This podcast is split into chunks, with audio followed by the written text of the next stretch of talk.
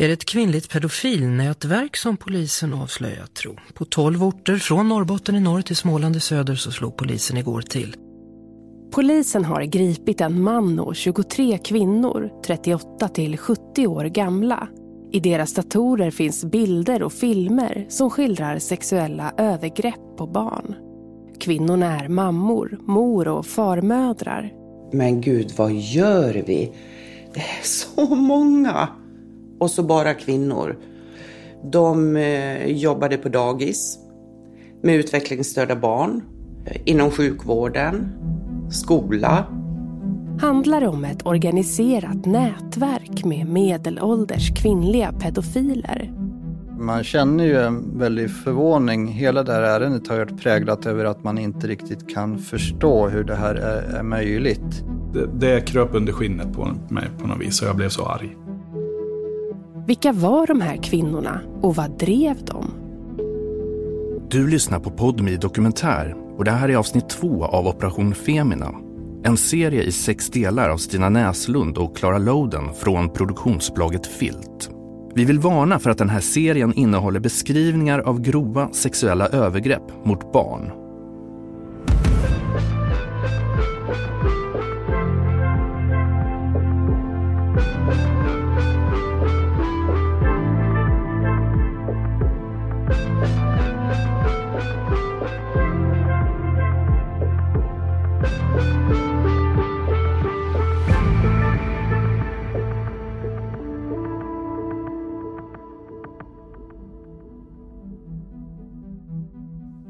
En disig höstmorgon 2010.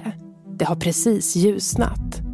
En man är gripen och under en räd i gryningen hämtar polisen in ett 20-tal kvinnor runt om i landet till förhör. Än så länge så vet inte polis och åklagare vad den här härvan innehåller. Handlar det om ett organiserat nätverk av pedofiler har de tagit in ett gäng datorkunniga medelålders kvinnor som har lagrat och krypterat olagligt bildmaterial. Det är i alla fall vad man planerar för att möta när man gör den här räden. Så vitt jag minns så var det en väldigt lång dag. Den började tidigt och den pågick till sent på kvällen. Det var en intensiv och lång dag. Det här är åklagare Niklas Eltenius han sitter på sitt kontor på åklagarkammaren i Falun den här onsdagen då kvinnorna grips. Kvinnorna förs i bil till polisstationer runt om i landet.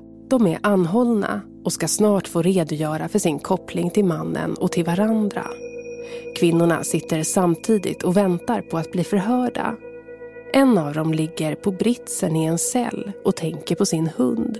Hon hann aldrig rasta den innan polisen knackade på. Det vi vill veta under den här dagen, det är ju om de här kan ha någon form av nätverk. Vi var ju väldigt intresserade av om de känner varandra. Eh, och med tiden, allt eftersom man hör en och en kvinna, så kommer vi fram till att det är nog inget nätverk i egentlig mening. Utan den gemensamma nämnaren verkar vara att de här kvinnorna har kontakt med en man och att de har fått kontakt genom olika kontaktsidor där de har förekommit.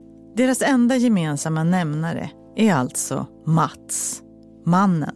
De har börjat snacka med honom på nätet, blivit vänner, kanske blivit kära. Och ju längre tid de har kontakt med den här mannen så börjar den övergå till att höra sig för om deras sexuella preferenser. Och eh, fungerar det, då går han så småningom över också till mer udda sexuella företeelser som intresse för sex med djur eller sex med avföring och kanske skickar bilder på det temat och man diskuterar det temat. Och är det då så att de alltjämt inte har hoppat av, då kommer han onekligen över då till det här med eh, sex med barn. Eftersom det känns som att det är målet för konversationen. Mats skickar bilder och filmer som han har till kvinnorna. Ur en av chattarna. Vad tycker du om incestfantasier? Det har jag fantiserat om med olika tidigare kvinnor. Mysigt och äggande som bara den. Barnen kan vara hur små som helst nästan i fantasin. En mamma knäppte några foton på sin dotter när hon leker naken. Vill du se hur söt hon är? Ja. Vänta då. Jag hittade en mapp på en fildelningssajt för många år sedan. var en hel del tabubilder med där. Vill du se någon skön kanske, där någon liten suger sin pappa typ? Ja. Vänta då, bara oss emellan. Och sen så kommer han också att fråga dem om, om de är intresserade och vill ha gärna material ifrån dem om de har barn och frågar om deras barn skulle kunna utsättas, om de skulle kunna göra någonting gemensamt med de barnen i sexuellt hänseende. Och det kommer ofta in på det här. Skulle vara härligt att besöka dig sent när barnen sover och få kika lite. Mm. Ja, det tror jag du skulle tycka om. Sover de nakna eller? Nej, den lilla har blöjor och bägge har pyjamas. Men på sommaren sover hon med trosor och han bara blöjor. Det finns inte någon koppling mellan kvinnorna.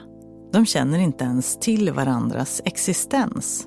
Det man ändå kan förvånas över det är just att, att det är så många kvinnor som ändå accepterar det här. För det kom också fram att man kan inte bara passivt ta emot materialet via MSN eller så, utan de måste aktivt trycka på en knapp för att ta emot det också. Det har de här då gjort i flera fall. Det verkar dock som att den här mannen har sökt sig lite grann till kvinnor där det kan finnas eh, större chans till framgång.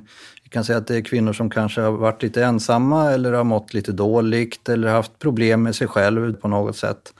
Och han har funnit, menar jag då, en, en metod att hitta de här kvinnorna som kan vara mer mottagliga för att kanske i någon form av desperation då eh, gå med på det mesta för att ha kontakt med honom som man.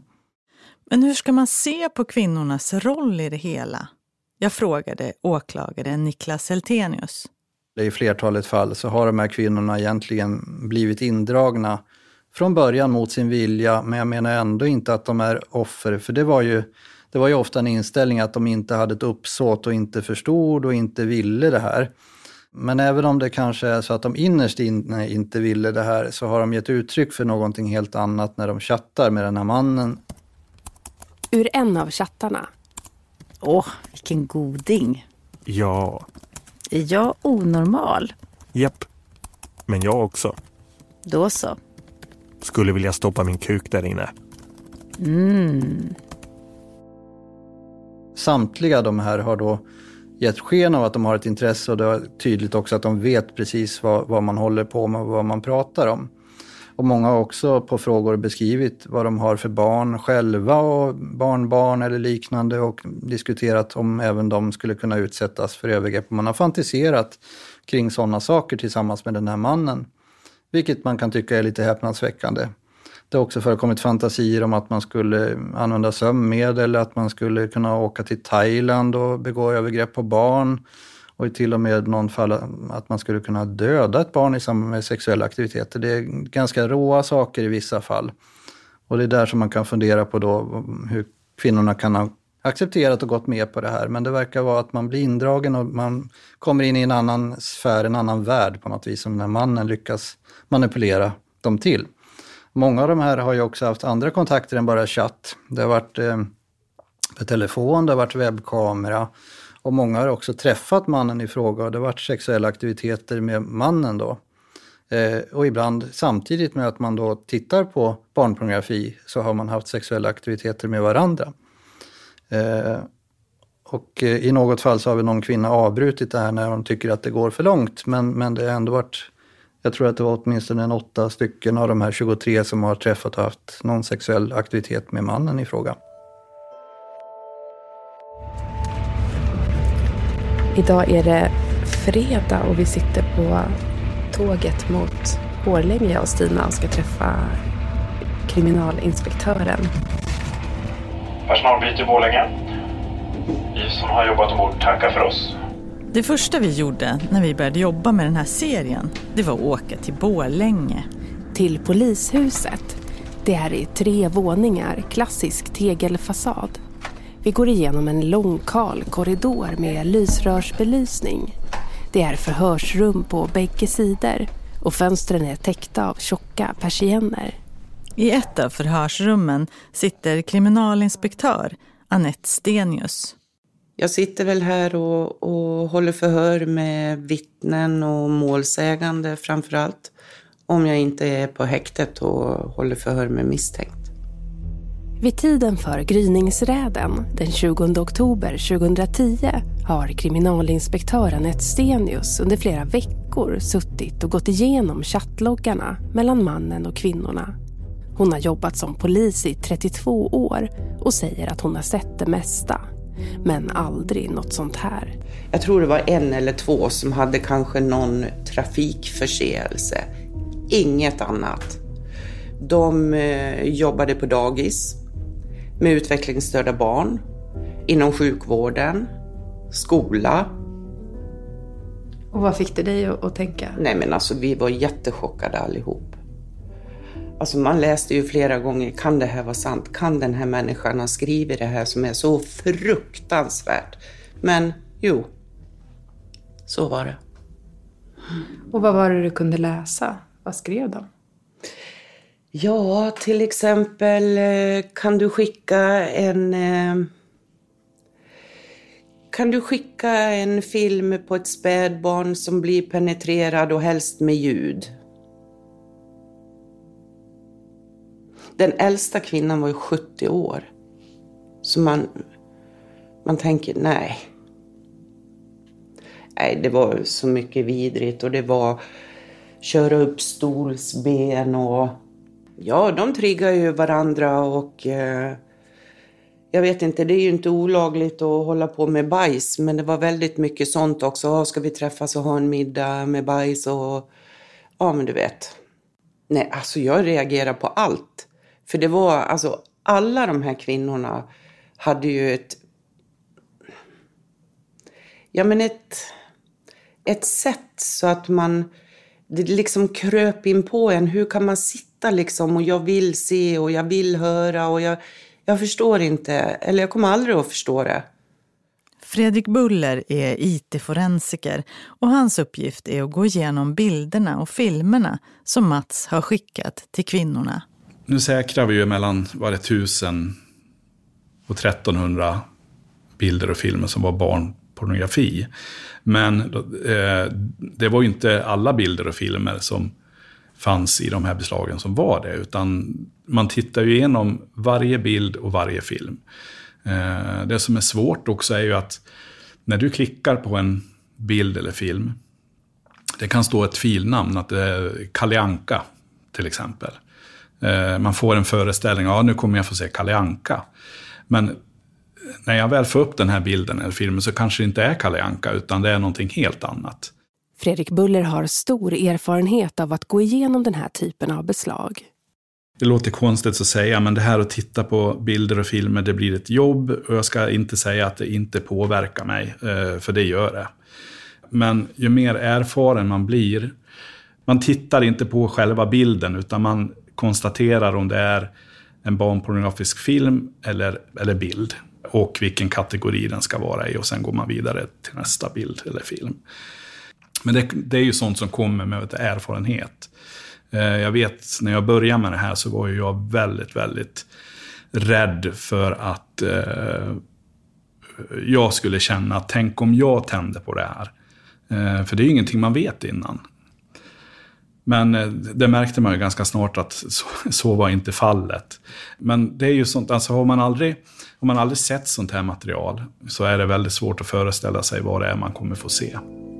Mats skickar sammanlagt 510 bilder och filmer till de 23 kvinnorna. Var och en får mellan en handfull upp till runt 30-40 bilder och filmer. Några av dem har fått det här materialet under bara några dagar och sen har kontakten upphört.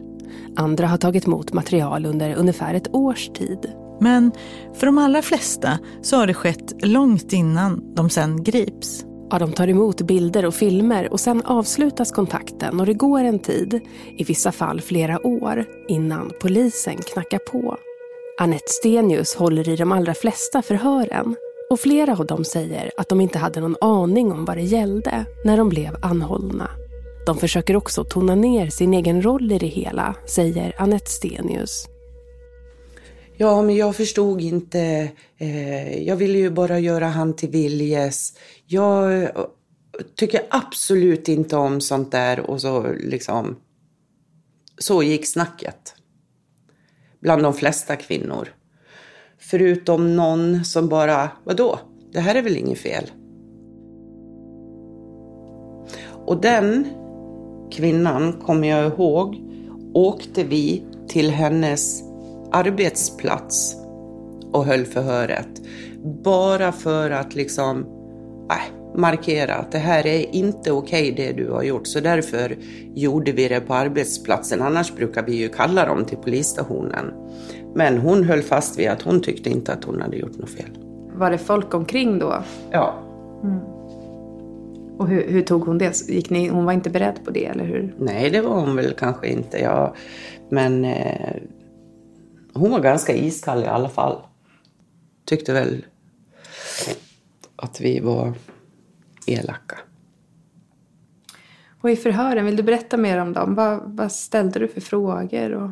Man ställde ju frågor utifrån det de hade chattat om. Vad menar du med det? Till exempel när du skriver att, eh, att eh, du får jättegärna skicka någon mer film eller någon mer bild på ett barn. Vad menar du? Nej, men jag menar egentligen ingenting. Det var ju så de svarade på, på ens frågor. För det var ju ingen som erkände. Vid de första förhören där? Nej. Förhören. Nej. Och hur förklarar de det som stod där? Jag menar att de ville göra honom till Viljes. För de trodde om det är det han vill. Millions of people have lost weight with personalized plans from Noom. Like Evan, who can't stand salads and still lost 50 pounds. Salads generally for most people are the easy button, right? For me, that wasn't an option. I never really was a salad guy. That's just not who I am. But Noom worked for me. Get your personalized plan today at Noom.com. Real Noom user compensated to provide their story. In four weeks, the typical Noom user can expect to lose one to two pounds per week. Individual results may vary. Say hello to a new era of mental health care. Cerebral is here to help you achieve your mental wellness goals with professional therapy and medication management support. 100% online. You'll experience the all new Cerebral Way, an innovative approach to mental wellness designed around you. You'll get a personalized treatment plan from a therapist, prescriber, or both in a safe and judgment free space. Your cerebral therapist or prescriber will outline a customized plan with clear milestones along the way so you can get to feeling your best. With Cerebral, you're not alone in your mental health journey. We're here to empower you to live a fulfilling life. So take that first step towards a brighter future and sign up today at cerebral.com slash podcast and use code ACasts to get 15% off your first month. Offer only valid on monthly plans. Other exclusions may apply. Offer ends July 31st, 2024. See site for details. Höra. Flera av de här kvinnorna träffade ju han också. Och sen eh, någon skyllde på, nej men jag var hemma där men jag var mest intresserad av att titta på hans ormar. Så när han hade barnpornografi på, på, på någon film på tvn då tittade jag på ormarna, jag tittade inte på tvn. Några av kvinnorna är alltså hemma hos Mats och tittar på hans ormar. Ja, och det är inte vilka ormar som helst. De här ormarna kommer att innebära att polisen får ett annorlunda och besvärligt uppdrag. Och hur många av dem tror du hade ett genuint intresse för övergreppsmaterial med barn? Jag tror att, eh, att de flesta hade det mer eller mindre, för annars skulle man aldrig... Jag, jag tror inte att man skulle... Även om, om vi säger att, att det är en ensam kvinna som vill träffa en man och börjar chatta och så går han in på det. Så efter ett tag, om man liksom är inte är lite intresserad själv, då lägger man av och så går man till någon annan. Det är inte svårare än så. Så därför tror jag att eh, självklart hade de ett intresse de också. Samtliga kvinnor har tagit emot övergreppsmaterial från Mats. Men två av dem sticker ut. De har gjort mer än så. När IT-forensikerna går igenom det beslagtagna materialet hittar de bilder som de här kvinnorna tagit själva och skickat till Mats. En av dem är en mormor som fotat sina barnbarn. Fyra bilder som domstolen senare kommer slå fast var av barnpornografisk karaktär redan när de togs. Den andra kvinnan har skildrat ett barn i tre bilder som enligt domstolen räknas som barnpornografiska. Det står att hon svikit ett särskilt förtroende. Att en mormor till exempel kan fota sina barns un barnbarns underliv när hon antagligen då är barnvakt och skickar till den här mannen och så chatta om det också. Jag mådde jättedåligt. Det är bara, jag erkänner det, jättedåligt. Och så samtidigt då när man även fick eh, se det material som IT-forensikerna fick fram. Alltså det berörde en så hårt. Ja, hur påverkade det ditt privata liv? Jag mådde jättedåligt. Alltså på riktigt, jättedåligt. Vi pratade ju jättemycket på kvällar och vi chattade. Vi träffades, vi grät ihop. Alltså på riktigt, det var jättehårt för oss. Hade vi fått in den här första som var en man och sen eh, 23 män i samma, hade, hade vi ju inte alls reagerat lika. Nej. Det hade ju varit vidrigt naturligtvis. Men inte... Det här skakar ju om liksom. Det man tror på och så. Jag kommer ihåg, jag hade ju... Jag har barnbarn. Och eh, jag hade ett litet barnbarn som var blöjbarn under den här tiden. Och jag hade så svårt att byta blöja på grund av det här som satt i bakhuvudet hela tiden. Det var helt sjukt. Tog du med dig material hem och gick igenom och Ja, läste? ibland fick jag lov att göra det. Och sitta och, och läsa. Och, och sen är jag en sån som, eh, när det är mycket och någonting som, som eh, ja, jag menar så alltså att hjärnan, då pratar jag i sömn jättemycket. Så min man, det var så här ett tag att jag tänkte, fan jag kan inte ligga i samma rum som honom. För jag ligger ju och pratar, men oftast är det ju mummel. Men ibland var det ju klockrena ord, men han fattar ju inte vad det handlade om. Men han fick ju dra ett stort last. Det tror jag att, eh, att eh, många av våra nära anhöriga fick göra för att vi mådde som vi gjorde. Eh, faktiskt.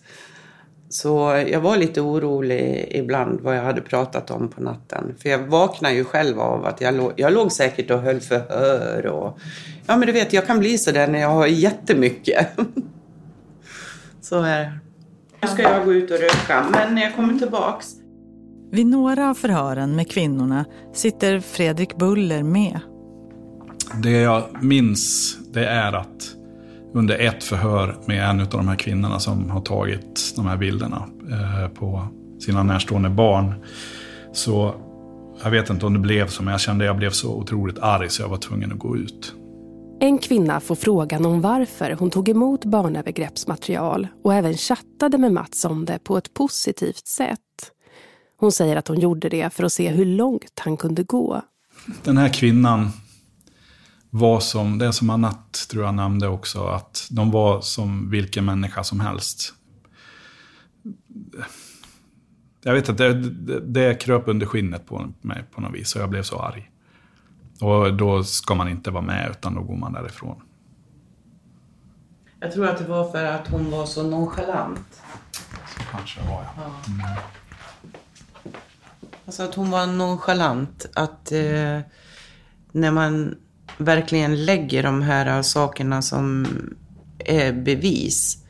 Att ändå liksom, ja men, lite ruska av sig. Inte bryta ihop och börja gråta och gud vad har jag gjort eller ingenting sånt. Jag tror det var därför som, för jag kommer ihåg när du gick ut. Att det inte gick längre. Och lika den här frågan du ställde hur det var att komma hem efter förhören. Vissa förhör, ja men då, det, det är liksom, nu har jag gjort mitt jobb.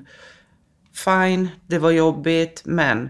Och vissa var ju eh, jättejobbiga även när man kom hem och det var ju då vi ringde till varann.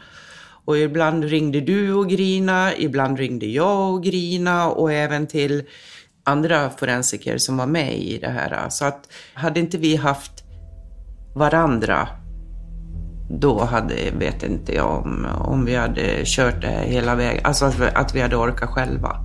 Under förhören säger några av kvinnorna att de inte sett bilderna. Eh, de hade inte tittat på dem. Men det kunde man ju läsa ut dels genom chatten och sen även eh, titta på de här filerna också. En del kanske till och med hade sparat ner filerna.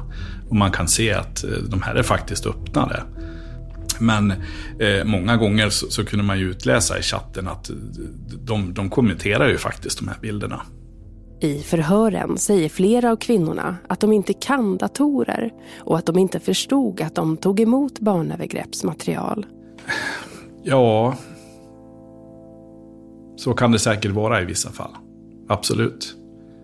Att de inte har den kunskapen så. Eh, men har man, har man då ändå lyckas kommentera de här bilderna och man märker utifrån konversationen att de faktiskt har sett dem också. De har inte, eh, de hade inte gjort, gjort något försök heller att stoppa honom utan jag, jag eh, har, svårt att, har svårt att förstå det.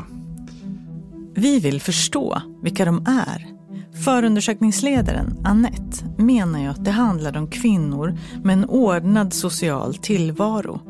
De har familj och jobb. Precis, det fanns inga varningssignaler som någon i omgivningen hade kunnat snappa upp, säger hon. Men vilka var de? Det här fallet det uppdagades ju för att eh, polisen fick in två tips, oberoende av varandra, om att Mats hade skrivit att han hade förgripit sig på barn. En av kvinnorna, vi kan kalla henne Anita, berättar om Mats för en väninna, som i sin tur berättar för polisen. Anita har alltså chattat med Mats och han har sagt till henne att han har gjort sexuella gärningar med små flickor. Och det som sen visade sig troligen var fantasier. Det gick i alla fall inte att hitta bevis för det här. Men Mats har alltså skickat 21 bilder och fyra filmer till Anita. Anita har reagerat på det här som Mats skriver, men hon tror att han kommer att söka upp henne och antasta henne om hon anmäler. Så istället så berättar hon för en väninna och ber väninnan anmäla. Men eftersom Anita tagit emot bilderna och filmerna så blir hon ändå åtalad för brott och senare dömd. Jag ringer upp henne. Vi, vi håller på och gör, ska göra en, en dokumentärberättelse om ett rättsfall där du var inblandad som, som var för tio år sedan ungefär, 2011. Kommer du ihåg det? Ja. ja. ja. Du vet att det var på det viset att det var en, en, en trevlig kille som jag fick kontakt med. Han kontaktade mig alltså. Ja. Men när han började skicka bilder till mig så anmälde jag honom. Men jag, jag fick ju böta för att jag, att jag hade kontaktat honom. Hon kommer väl ihåg det här fallet trots att det har gått över tio år när jag ringer. Hon är fortfarande arg. Det, det, det är ju fel det där att man ställer upp och hjälper polisen och så åker man dit själv. Jag mådde så illa utav det där för att jag, jag tycker att jag ställde upp med hemsidor, talade om för polisen vad han hade för inloggning och allting och så gör de på det här viset. Så tycker jag, det, jag, jag serverar allt på en guldbricka åt dem. Var det så att det var en kollega eller en kompis till dig som du bad anmäla också? Nej, för jag mådde så hemskt dåligt då så jag bad henne att ringa upp polisen. Och sen fick jag prata jag med dem då sedan. Men Anita är sjuk när jag ringer och trött. Hon orkar inte vara med på en intervju, säger hon. Men vi bestämmer att höras veckan därpå och se hur läget är då. Gör ni det? Nej, hon svarar inte. Och sen går det några veckor och jag ringer igen. Plötsligt har numret upphört. Det nummer du önskar nå är inte i bruk. Var vänlig kontrollera numret och försök igen. Anita gick bort innan jag fick tag i henne och innan hon på något vis fick svar på sin ilska över att hon åkte dit. Anita var ju också den äldsta kvinnan när det här uppdagades. Då var hon 71 och nu innan hon dog var hon över 80. Väninnan då, vad hände med henne? Ja, vi vill ju jättegärna ha kontakt med henne men jag hann inte fråga Anita mer om det här. Jag fick aldrig hennes namn och polisanmälan den är sekretessbelagd och hennes namn är överstruket. Jag ringde några i Anitas närhet och de sa så här att Anita hon har ju flyttat runt ganska mycket de senaste åren och ja, efter att hennes man gick bort. Och Anita hon hade lätt att skapa nya kontakter och bli vän med folk runt omkring där hon bodde. Så vem som var hennes förtrogna väninna vid den här tiden, sommaren 2010, det är omöjligt att säga, säger de. Vi fortsatte att kontakta kvinnorna. Vi vill förstå vilka de är och hur de själva förklarar vad som hänt. Åklagare Niklas Eltenius säger ju att även om de innerst inne inte ville det här så har de gett uttryck för något helt annat när de chattar med Mats. I domen står det att de flesta av kvinnorna varit drabbade av tragedier inom familjen eller varit allmänt själsligt nedgångna. Vad betyder det? Vissa av kvinnorna var snabba på att svara när vi kontaktade dem. En säger att hon inte vill vara med. Hon tänker på sina barn. Några av dem har flyttat och bytt namn och några har avlidit. Och några går inte att nå. Vi får i alla fall inga svar. En som vi väldigt gärna vill ha tag i, det är hon som blev gripen på sin 60-årsdag. I en kvällstidningsartikel publicerad kort efter gripandet berättar kvinnan att firandet fick ställas in. Hon säger, som tur var blev tårtorna inte dåliga och min familj har varit här idag. Över tio år har alltså gått sedan de fick sina domar. Vi vet inte alls vad som har hänt med dem eller om de har berättat för sina anhöriga. En del blir ju arga också när vi hör av oss. Jag smsar lite med en kvinna som blir väldigt upprörd. Hon skriver, även om ni inte avslöjar våra identiteter så dras ju allt upp igen. Och de som vet att det var jag påminns ju igen om allt som hänt. Mitt liv sedan allt hände har varit ett helvete. Och tack, ironiskt tack, för att ni släpper fram allt i dagen igen. Förstår ni inte hur ni ställer till det för oss igen? Men andra de blir nästan lättade och glada när vi hör av oss. Det finns helt klart ett behov av att berätta. Ja, du fick ju ganska snabbt ett brev. Ja, jag fick ett brev från Britta. Hon skickade en lapp med sitt namn och sitt telefonnummer. Men jag tänkte fråga om, om du skulle tycka att det var okej att jag kommer och gör en intervju med dig och träffar dig och hör om det här. I nästa avsnitt av Operation Femina han kanske ville ha ett svar och tjatade på mig då. För han var ju väldigt envis hela tiden och ringde och tjatade. Vi får träffa Britta, en av de 23 kvinnor som dömts för barnpornografibrott. Varför tog hon emot bilderna och filmerna? Och hur påverkades hennes liv av det som hände? Och kommer någon till jobbet med barnvagn eller, eller barn så försvinner jag fort som attan.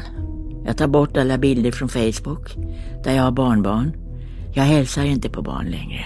Och snart börjar jag gråta, för så har det blivit. Och efter mycket tvekan bestämmer sig även Mona för att hon vill berätta om kontakten med Mats. Han är ju snäll när han är normal. Vad händer med dig när du skriver med honom? Jag dras in i det han säger. Han har makt över mig. Han vill att jag ska skriva det då skriver jag det för att han ska tycka att det är bra.